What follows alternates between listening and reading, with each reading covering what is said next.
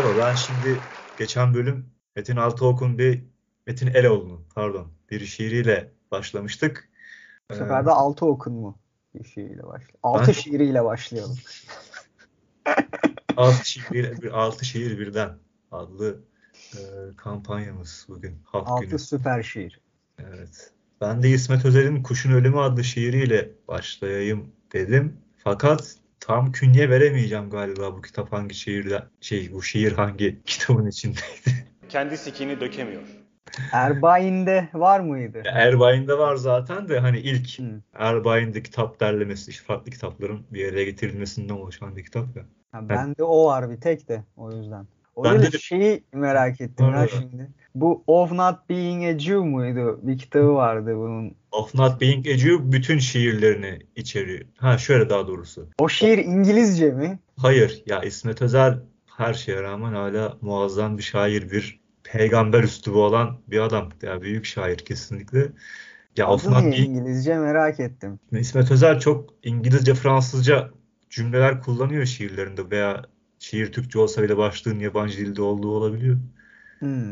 Ya benim gördüğüm kadarıyla hakim her iki yabancı dille de zaten Hacettepe'de uzun süre Fransızca okutmanlığı da yapmış. Mütercim tercümanlık bölümünde galiba. Ya Of Not Being Jew ilk 90'lı yıllarda çıkıyor. O yeni bir kitap olarak yani önce Erbayin derleniyor. 40 yılın şiirleri. O Erbayin hani bir dönem İsmet Özel'in e, poetikasında. Hani onu bir arada sunup geride bırakıyor. E, Of Not Being a Jew adlı kitap. Proje aynı zamanda. Çünkü her yeni baskısı çıktıkça içine yeni şiirler ekleniyor kitabın. Ve Hı. bendeki ilk baskılarından biri 90'ların ortalarına ait olabilir. O zamanki yayın evi Şule Yayınları olabilir. Şimdi TİO İsmet Özel'in kendi yayın evi Tam İstiklal Yayıncılık Ortaklığı. Tam istiklal. Evet. Tam. Ar- Ve artık kitapların iki yüzlü basıyor. Hani bir tarafında normal Latin harfleriyle Türkçe ters çeviriyorsun. Arkasında hani Arap harfleriyle Türkçe olarak Ya tam istiklal ya ölüm. tam ölüm. Ölene kadar ölüm. Mokoko da olabilir. Yani bendeki ilk baskılarından biri o kitabın Of Not Being a Jew'un ve bazı sayfalar da başlık var sadece. Başlığın altında sayfa kaplayan bir çerçeve ama bir şey yok. Hani oraya yeni bir şiir gelecek belli devamında. Hani kitabın önce kompozisyon çıkarılmış. Bütün Hmm. şiirler tamamlanmadan kitap satışa sunulmaya başlanmış. Gelişen bir proje olarak. Zaten şeyde galiba Müzikli Anılar mıydı ne bu? MFÖ'nün TRT'de sunduğu program. Sonradan gelen edit, müzikli hatıralar. Bir bölümünde İsmet Özel konuk oluyor. Öyle bir şey diyordu. Hani benim şu an bile yazılmamış şiirlerim vardır. Ben sürekli şiir yazarım falan gibi bir şeyler diyordu. O kadar çok yazarım ki şu an bile yazılmamış birçok şiirim var diyordu ve hani bunu kastediyormuş demek ki. Demiştim ben o yayını izledikten sonra. Ben de şeyi hatırlıyorum. Yani aslında o kitap hani şey sürekli yazmakta olduğu bir şiir. Kitap o şiir aslında. Yani söyleyecek sözü zamana yaymış gibi. Ondan sonra da e, o bittikten sonra da şiir bırakmıştı galiba zaten. Edip Cansever şey diyordu. Aslında insanlar şöyle bir çevrelerine baksalar yani yazılabilecek bir sürü şiir var. Cemal Süreyya da der ki malum Turgut Yer için. Bence Turgut bu aralar çok uzun bir şiirin ortasını yazıyor. Bunların hepsi aslında böyle tek büyük bir projeye gönderme yapıyor gibi. Evet. Belki de hayatın bir bütününü bir tek bir şiir olarak algılamaya başladıktan sonra gelinen yerdir burası. Oo, sanat hayata geldik. Ama Edip'in onu söylemesi çok mantıklı aslında. Yani tutarlı daha doğrusu. Hani zaten en çok yazan da o içlerinde. Kesinlikle. Ama orada bir e, öfke, bir kibir de seziyorum ben. Hani yazacak o kadar çok şey var. Kör müsünüz amına koyayım? Hepsini ben yazamam ya. Siz de bir el atın. Okuma yazma bir adamlarsınız. Bir şey yapsanıza. Hani gibi bir serzeniş var sanki. Belki de şey olabilir. O sıra işte röportaj yapan kişi. Şimdi diğerlerine bakınca hani sizin daha çok şiiriniz var. Bunu ne dersiniz bu konuda falan Kimse gibi. yazmadığı için ben yazmak zorunda kalıyorum. İşte çok fazla şiir var etrafta. Hani bana kalıyor onları yazmak falan. Neymiş? Edip iyi yazarmış. Ulan iyi be. İşimiz gücümüz var. Dükkan var yani. Bak daha Z raporunu alamadım. Yahudi ortağım bakıyor. Yarın da zaten sabah erkenden Exim Bank'ta işi vardır muhtemelen. Evet kredi falan alacaktır. Şiir Okuma Kılavuzu diye bir kitabı var İsmet Özel'in. Ben karıştırdım o kitabı birkaç kere. Okuma şey hani alıp okumadım henüz. Rastgele bir sayfa açmıştım. Biraz okuyayım diye kitapçıda, Dost'ta. Ve aşağı yukarı şöyle bir yere denk gelmiştim. Şey diyordu. Şiir batılı bir edebi formdur. Hani divan geleneği başka bir şeydir. Hani tamam belki kabaca o da şiir o da şiir olarak adlandırılabilir ama bambaşka anlayışların, bambaşka toplumsal koşulların ürünüdür. Osmanlı toplumundan divan çıkmıştır. O toplumun koşulları gereği. Batı toplumundan da bu batılı şiir türleri çıkmıştır. Yine o oranın koşulları gereği. Bak yani materyalist bir bakış aslında. İsmet Özel'in e o yani özelliği bir yandan vardır zaten İslamcı olsa dahi. Ee, dolayısıyla modernleşme Osmanlı'ya doğrudan kült, öncelikle kültürel seviyede geldiği için yani üst yapı taklit edildiği için bu şiirleri yazan şairlerin aslında bu şiirlere edilmesine imkan olmadığını iddia ediyor. Yani sadece ancak taklit edebilirler. Hani onlara öykünebilirler. Hani özgün olarak e, bir şey yapamazlar. O yüzden boşa çalıştırılan bir motor gibidirler benzetmesi vardı. Ve böyle bir durumda şiiriniz kimlerin eline kalmıştır? Turgut Uyar gibi toplumun tamamen gerici kısımlarını temsil edenlerin, Edip Cansever gibi bir şiir fetişistinin ve Cemal Süreyya gibi düpedüz kötü bir şairin. Ya ama o söylediği şeydeki sıkıntıyı tam e, anlayabildiğimi söyleyemeyeceğim. Ben de. Ya söyleyeyim. o zaman kendi yazdığı şiirler de Batı öykünmesi olmak ha, evet. zorundadır. O da çünkü bu toplumun içinde yetişmiş, yeşermiş bir şair. Kendi yazdığı şiir de bir yandan hani batılı şiirden bile daha batılı bir şiir yani İsmet Özel'in ayrıca. O divan koşuk moşuk bir şey yazmıyor ki. Veya, o zaman o da yani kendi yazdığı şiirden haberi yok o zaman. Onun aynı şeyi şey, e, yöneltebiliriz. Veya şey yani hani şiir dediğin benimki gibidir. Benimki şiirdir falan gibi bir iddia. Bilmiyorum da ya. kitabın tamamını okumadığım için de şey tam argüman nedir bilemiyorum. Sonra şey ya en doğrusunu ben biliyorum ben. Diğer herkes bok yesin. Muhtarınız olarak beni seçin. Beni! Beni! Allah belanızı kaldıra.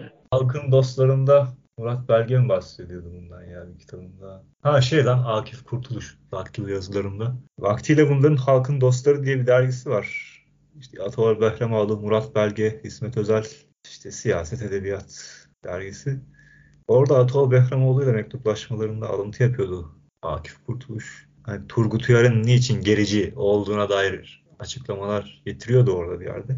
Yani, Tutarlı, isabetli bir şeyler söylüyor muydu bari? Ya var gibi de tam hatırlayamıyorum. Hani yoksa, şöyle... yoksa o işte iki tür insan vardır. Biri Türk, biri Amerikalı falan gibi şeyler. Ha, yok yok. Onun kafada bir şey değil.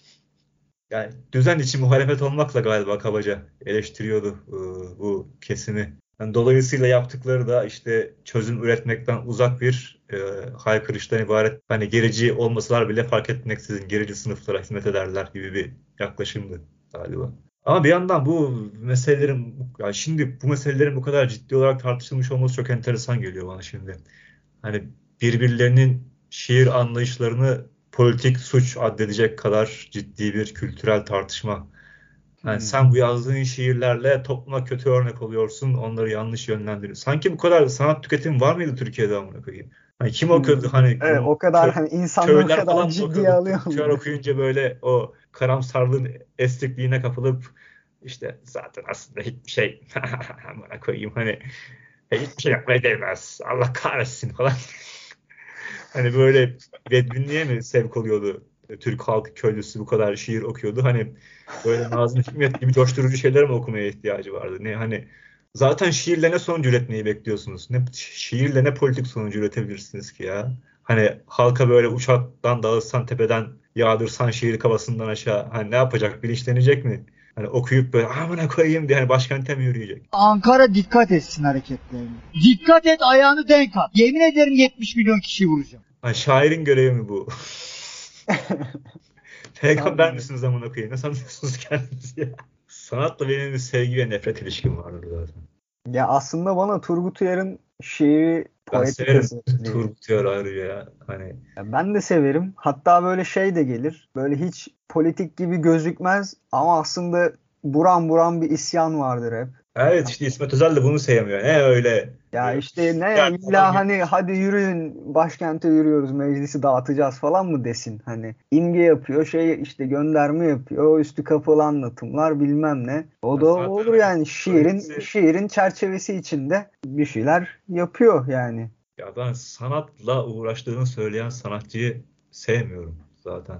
Yani sanatçı diye bir kavram olmamalı, sanat yapmak, icra etmek diye bir eylem olmamalı. Yani bu çok Peki Hani müzikle uğraştığını söyleyen müzisyeni de sevmez misin? yok ya sanatçı denmesi hani müzisyen, şair vesaire değil yani sanat eylem. Yani ya bunun hayatın içinde erimesi gerekliliği mevzusu. Yani öbür türlüsü çok gülünç geliyor bana. Ben de sanatla uğraşıyorum. Sanatçıyım. Bence sanat şöyle olmalı. Sanat Yani ne ne demesini Hani, istersin? Yani Hani çok güzel yaptım köşeye koyuyorum. Ya bir, bu he- bir heykeltıraşın ne demesini beklersin mesela? Sanatla işte uğraşıyorum deme. Ya Yok, o evet. o dar bir şey tanım oluyor. Sanatla uğraşıyorum dediği zaman da genel bir şey. Belki de çok adam hani o an sana öyle cevap verecek kafada değil. Ya işte sanat manat yapıyoruz falan gibi böyle genel bir cevap veriyor. Hani maddi yönünün vurgulanması makul bence. İşte yönetmen, film çünkü filmciyim demesi daha makul. Yani sanatçı demek yerine. Yaptığı Ama hani bazı Evet. bazı insanlar da öyle şeyler yapıyor ki hani böyle tam olarak bir şey diyemiyorsun. İşte mix medya hani içinde heykelden de bir şeyler var, resimden, boyadan da bir şeyler var, renk, Ha, ışık, bana hep aynı şey perspektif. yapıyor gibi geliyor. abi. Mesela o adamın yaptığını ne diyeceksin böyle somut Yani olarak? visual art, multimedya, medya sanatı vesaire. Ya deneyim yaşatma amacı taşıyor sanırım. Yani sana bir odada bir deneyim yaşatma. Ama öte yandan bakıyorum yani Performans sanatı hep gibi. aynı deneyimi yaşatıyor gibi. Ha, bir odaya sokuyor ve ışıklar yanıyor, sönüyor, bir şeyler dönüyor falan. Hani, ha, tamam o güzel kafalar evet. Hatta oraya dolu gideceksin falan. Evet zaten tamam da hani nereye kadar ya? Hani işin teknik boyutu belli ki şey çok yenilik getirici, çığır açıcı vesaire de ne söylüyor? Ne söylüyorsun? Finnegan's Wake vakası gibi işte. Esra Gülmen de bunun e, şeyi, simetriyi. O da sadece konumlandırma ile ilgili. Hani şey, unik olan ya sanatın şartlarından biri bir şeyin, bir ürünün sanat eseri sayılabilmesi için gereken temel şart onun tek olması, yegane o nesneden bulunması, eşsiz olması. Bu herhangi bir şey olabilir. Hani sen Bir tek o değildir ya herhalde. temel şartlarından biri. Birkaç tane kimisi sadece bunun yeterli olduğunu söylüyor. O zaman Esra Gülmen de sanatçı oluyor. Ve hani şey bu uniktir. Hani bir tane var. Hani ben bunu yaptım. Ee, eleştiriyorsan ama sen bunu yapmadın bile. Ama ben bunu yaptım diyorlar. O zaman şeye bakmamak lazım. Hani sanatçı mıdır, sanatçı yani o yapılan sanat mıdır, sanat değil midir tartışması yani tamam Tartışma sanat hele- olsun, kötü Hele sanattır. bu noktaya gelmişken hani Hani sanat olabilir ama kötü sanat olduktan sonra hani Ha, ne evet. yazar? Hani o zaman Ayrıca hani sanat eseri diye iyi olması gerekmez. Tanım buysa, hani tanım bu kadar basite indirgenmişse o zaman hepsi aynı nitelikte olamaz. Ya öte yandan işte durum bu hale gelmişken bir de sanatın profesyonel bir uğraş, bir meslek olması, sanatçılığın gülünç geliyor yani. Bu yani hep bahsettiğimiz mevzu işte sanat erimeli gündelik hayatın içinde bir uğraş olmamalı ayrıca herkesin hemen hemen herkesin veya yapabileceği, deneyebileceği bir şey olmalı ve belli bir yetkinliğe erişebileceği bir uğraş olmalı uygun yaşam koşulları altında. Hani böyle mesela ters düz oluyor. Hani öyle bir dünyada şiir hakikaten bir rehber olabilir insanlara veya sanatın kendisi bizatihi. Çünkü hayatın içinde olacağı için herkesin ilgilendiği, herkesin takip edebildiği bir şey olacağı için hani bir insanların birbirine verdiği bir mesaj olarak algılanabilir. İşte kolektif olarak toplumun birbirine verdiği haberler Şöyle- algılanabilir. Öyle İsmet Özel'in iddia ettiği gibi şiirler veya sanat yapıtları varsa hani öyle bir toplumda evet insanları harekete geçirebilir. Çünkü herkes buna vakit ayırıyor. Herkes bu işten anlıyor az çok. Dolayısıyla hani sanat eserinin böyle kitlelere yol gösterecek bir konumu zaten yok bu toplumda ve bunu bunu da şiir yazarak değiştiremezsin yani. Ya Dolayısıyla Turgut Uyar gibi bir insana gerici demek yani böyle çok dolaylı bir yoldan mümkün evet de gerçekliğe işaret etmiyor bence. realde karşılığı yok diyorsun. Yok bu da İsmet Özel'in idealist tarafı. Çünkü İslamcı o kadar idealizmi de olsun madem. Yaşa. Kaldı ki işte asıl Turgut Uyar'ınki gibi şiir bu toplumun içinde sanatı gülünç olmaktan çıkarabilir gibi. Çünkü hani sanat eseri üretme, sanat eseri üretme kaygısıyla veya sanatçı olma iddiasıyla ortaya konulmamış işler. Yani bu toplumun şartlarından sıkıntı çeken insanların iç çekişleri gibi. Ve sadece bunu hani artık bunu yazmaktan başka bir çare bulamamış, bezmiş bir insanın iç çekişleri. Yani bu açıdan çok samimi. Zaten çok kısa bir video kaydı var YouTube'da 70'li yıllarda radyoda röportaj veriyor. Gerçi orada mıydı ya? Orada Onu dediği, rejideki arkadaşlarımız hemen bakıp düzeltsin onu. orada ne dediği pek anlaşılmıyor zaten. Yani sunucu buna bir şey soruyor. Bekliyor böyle bir süre. Bir sigara koyuyor ağzına. Kibrit çekiyor. nefes çekiyor. Sonra onu veriyor. Ya bence sanat falan diye video orada bitiyordu zaten. Adamın sigara içini izliyoruz sadece.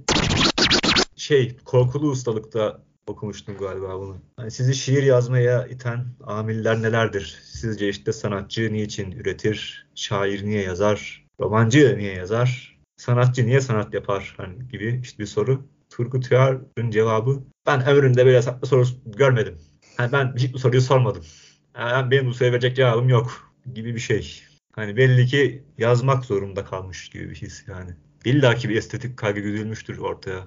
Topluma sunulacak bir iş çıkarırken de asıl kaygı başka burada. Yani profesyonel sanatçı unvanını elde etmekten veya sanat yapıtı üretmekten başka bir daha temel başka bir kaygı var gibi. Ama o kaygıyı hani kimse itiraf etmez ki. Öyle olsa bile öyle demez ki. Hani para kazanmak için e, Zaten ne sanat para kazanıyor ki? eseri yapıyorum. Turgut Yarın ömrü fakirlikle geçiyor. Para Hayır, hayır, başka biri için diyorum mesela bugün işte başka bir heykel.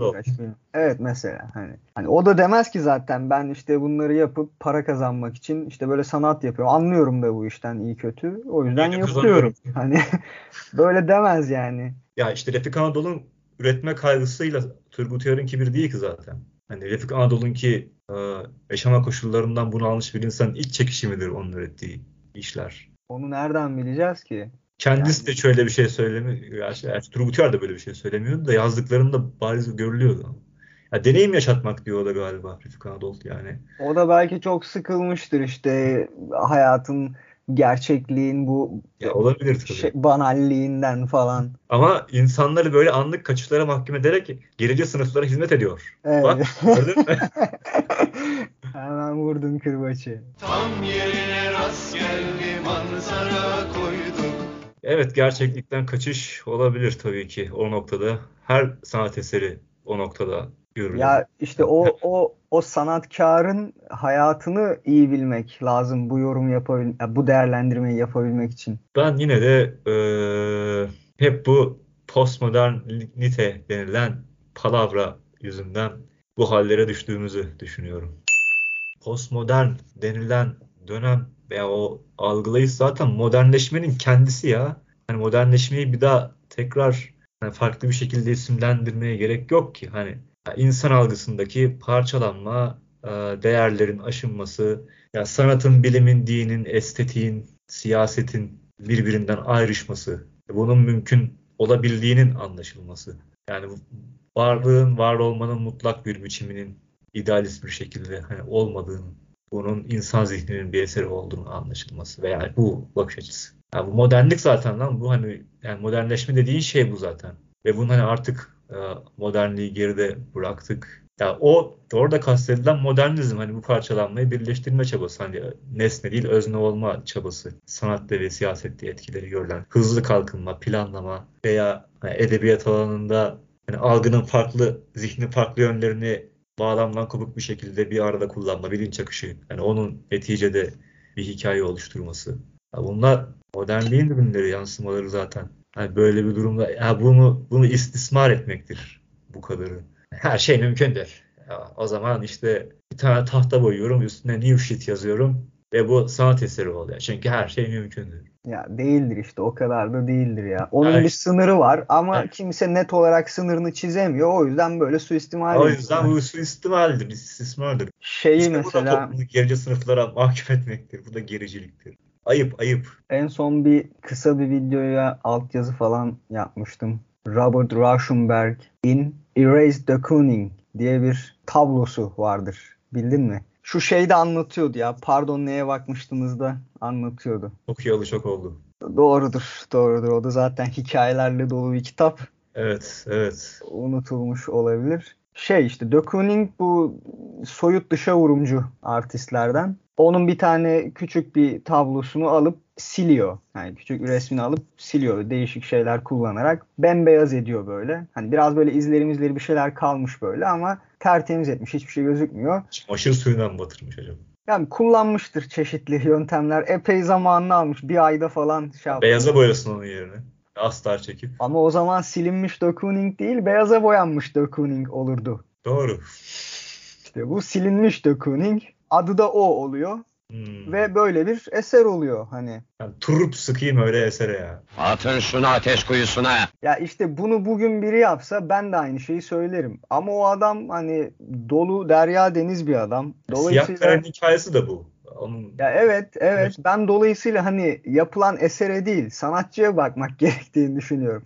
Ha, yani- evet tabii ki. Ya, tabii Diğer ki. işlerine bakacaksın mesela hani bu adam Nereden nereden gelmiş, neler yapmış, hani buraya bunu yaparken kafasındaki yani hani kavramsal sanat ya zaten. Hani kafasında ne gibi bir fikir vardı? Hani bunun arkasındaki felsefe nedir yani? Yoksa Belki öyle boş ya. boş Hani shit yazdın mı? Belki de o ressamı hiç sevmiyordu ve hani çok para bayıldı acayip o tabloya amına kodumun oğlu yani kazıdı böyle sinirden. Ha ben de işte amına koyayım şimdi. Parasını. hediye ediyor sanırım. Zaten şey oluyor. De Kooning'e anlatıyor. Böyle böyle bir fikir var kafamda diye. O da şey hani anlıyorum ne yapmaya çalıştığını. Pek taraftarı değilim ama hani O yüzden tamam en sevmediği sana, resimlerinden birini vermiş. sana işte o yüzden öyle bir şey vereceğim ki yani silene kadar götün çıkacak falan diye. Ama mesela De Kooning anlıyor oradaki işte arkasındaki düşünceyi anlıyor onun. Düşünce e, sanat eseri dünyamızda doğru düzgün bir iz bırakmaz. O yüzden yapmasan bile çok bir şey fark etmez. E, demeye getiren bir düşünce mi? Öyle de yorumlayabiliriz. Zaten nedir? Hani herkes de farklı farklı Evet. şeyler uyandırmasıdır. Bak Ee, bizde kaç kaç yüzyıl mı geçmiş? Yıl mı geçmiş veya? Yani bir 50 yıl olmuştur herhalde. 50 yıl Pardon, geçmiş. 70 yıl olmuş. 70 yıl. 53'tü onun tarihi. 70 yıl Aynen. olmuş hala Tam bak 70 konuşuyoruz. İşte bak sende ne, ne neydi? acayip şeyler canlandırıyor, başkasında ne acayip şeyler canlandırmıyor. İşte sanat eserinin güzelliği de bu zaten. Yani yapılan şeye değil de yapanla da biraz bakmak lazım. Sağ Gülmen'in bütün işleri aşağı yukarı böyle olduğu için. Ya bu zaten bir yerden gelip bir yere varmamış. Hep orada olduğu yerde gibi. Ya onlar biraz da şey ya Instagram sanatı. Ve hani kiç aslında kiç. Belki evet Kitsch'in bir alt e, şubelerinden birine Yani estetize şey. Yahut da belki pop art içinde bile değerlendiriliyordur belki de yani. Pop arttır o zaten. Başka ne olacak ki? Bedri Baykan da pop art içinde değerlendiriliyormuş ya. Ben lisedeyken resim öğretmeniyle bir konuşma olmuştu bir ilk kere Be- Bedri Baykan hakkında. O demişti ya o pop art onun ekolü. Ben sevmiyorum onu falan demişti. Pop art olduğu için mi sevmiyormuş? Ha, onu tam hatırlamıyorum. Yani pop art seviyor da Bedri Baykan mı sevmiyor veya genel olarak o tarzı mı sevmiyor onu hatırlamıyorum. Ama e, pek ilgisini çeken bir adam değildi. Ben de pek bilmem. Bir iki şeyini görmüştüm sanki. Ya ansiklopedi ama- bir tablosunu görmüştüm. Ana Britanik adamı ne böyle Coca-Cola logolu falan bir şeydi. Bay E'de küçük bir rolü vardı Bedri Baykam'ın. Ormanda Mehmet Ali Erbil'in karşısına çıkıyordu. Gro- grotesk bir tirat atıyordu. Sonunda bir kahkaha patlatıyordu. Çok kötü bir oyunculuk. Zaten Bay E filmi için yabancı olunmayacak bir durum. Bir sergisinde peçeteye e, attırıp hani kuru, kurutunca koymuştu sergisine. Hmm, hatırladım öyle bir şey vardı evet. Hani o da işte Gerçi şey hani yeni attırmamış da ergenken attırdığı peçetelerden birini saklamış eski yani.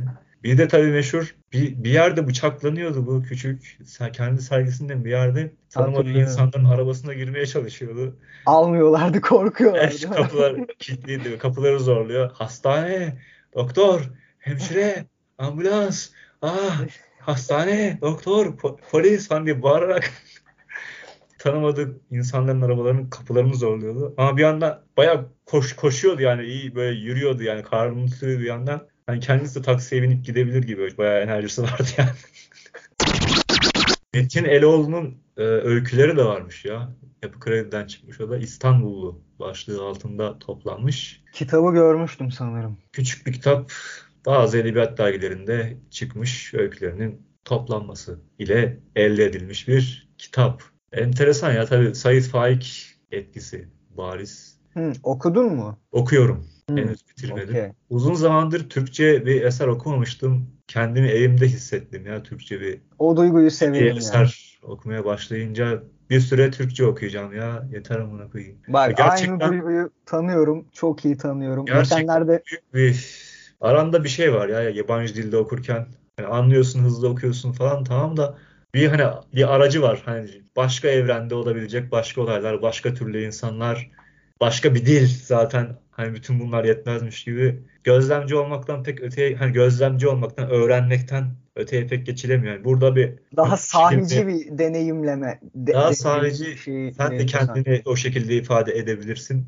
Hani oradan kendini ifade etmeyi de öğrenebilirsin. Seni Bak. yetiştirir, bir insan yapar yani. Yabancı dilde okurken o hissi ben alamıyorum. Çünkü kendimi öyle ifade hani etmeyeceğim. Onu da biliyorum yani.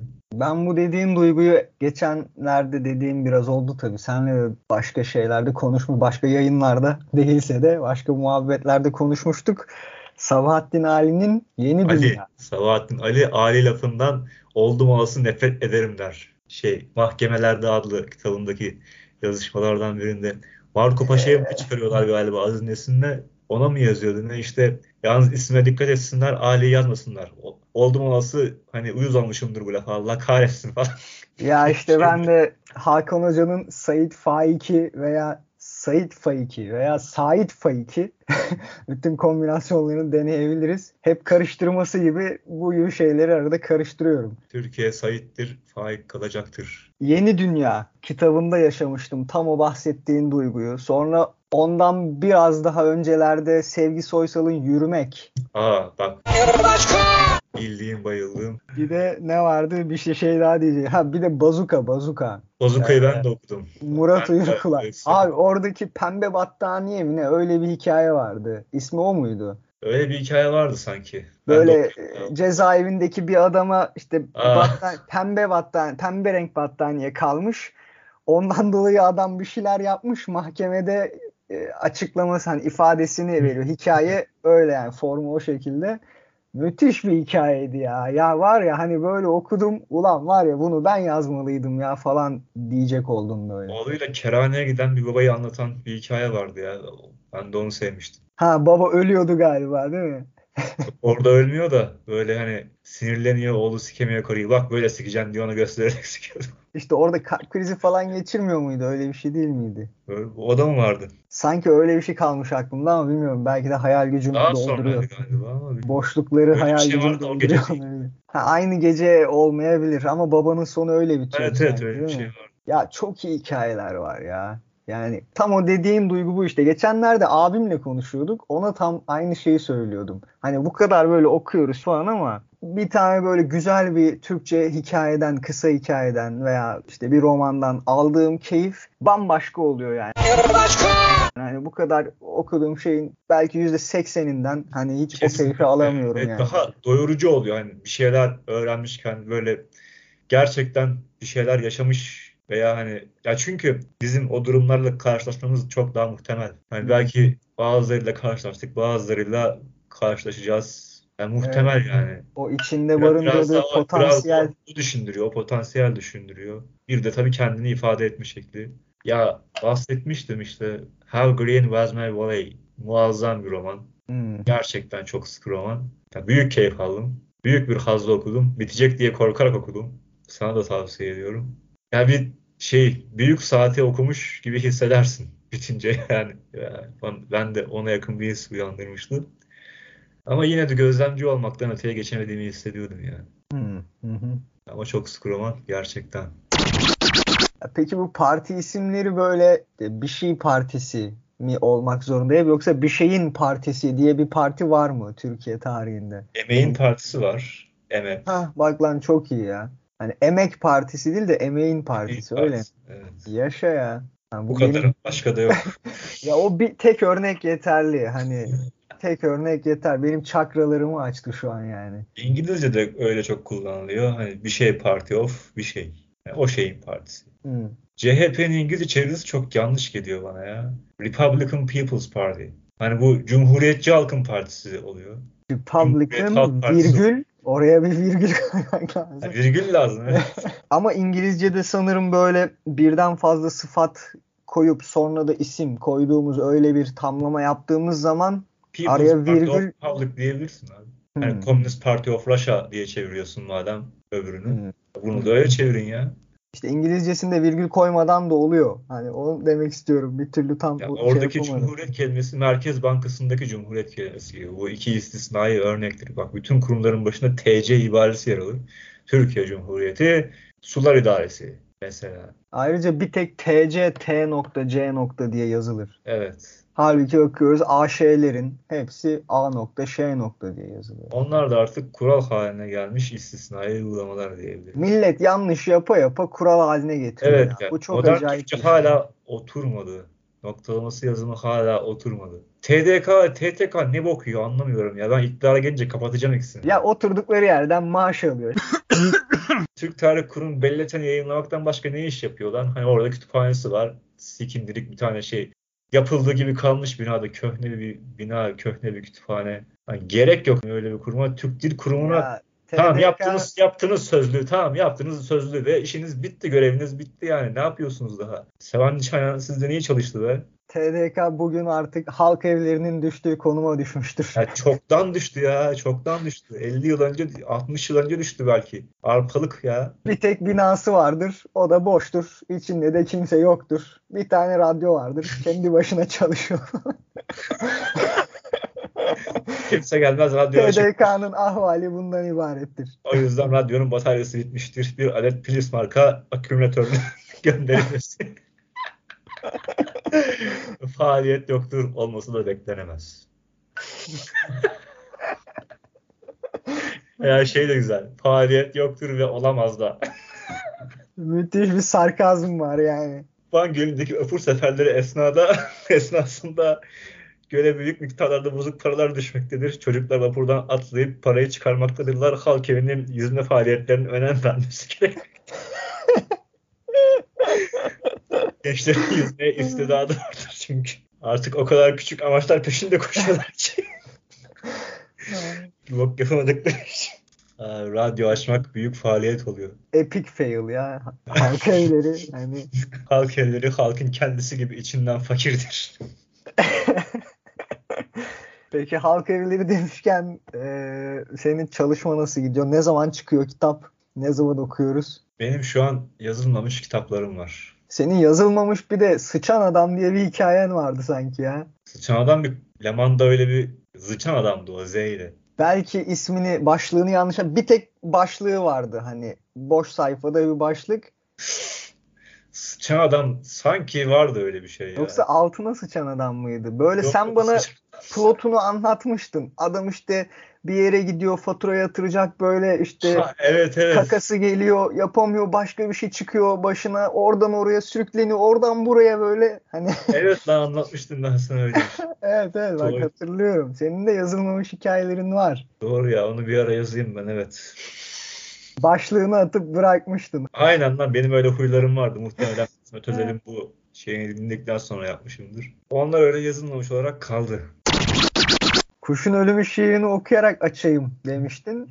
Açayım Ama mı, kapayım? okumadan açtık. Bari okuyarak kapayalım. Tamam. Sen geçen bölümü Metin Eroğlu'nun bir şiirini okuyarak açmıştın. Ben de bu bölümü İsmet Özel'in bir şiirini okuyarak kapatayım öyleyse. Sana da böylesi yakışır.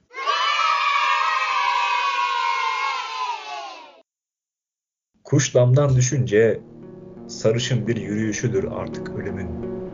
Bir yağmurdur açılan kuraklığa, bir yağmurdur kulübesi Nisan'dan. Ve onun ayaklarına dolanan o gökyüzü, kansız yüzleridir diri kuşların. Kuş düşünce damdan. Kuş düşünce damdan, kızlar saçlarıyla ölümü düşünürler.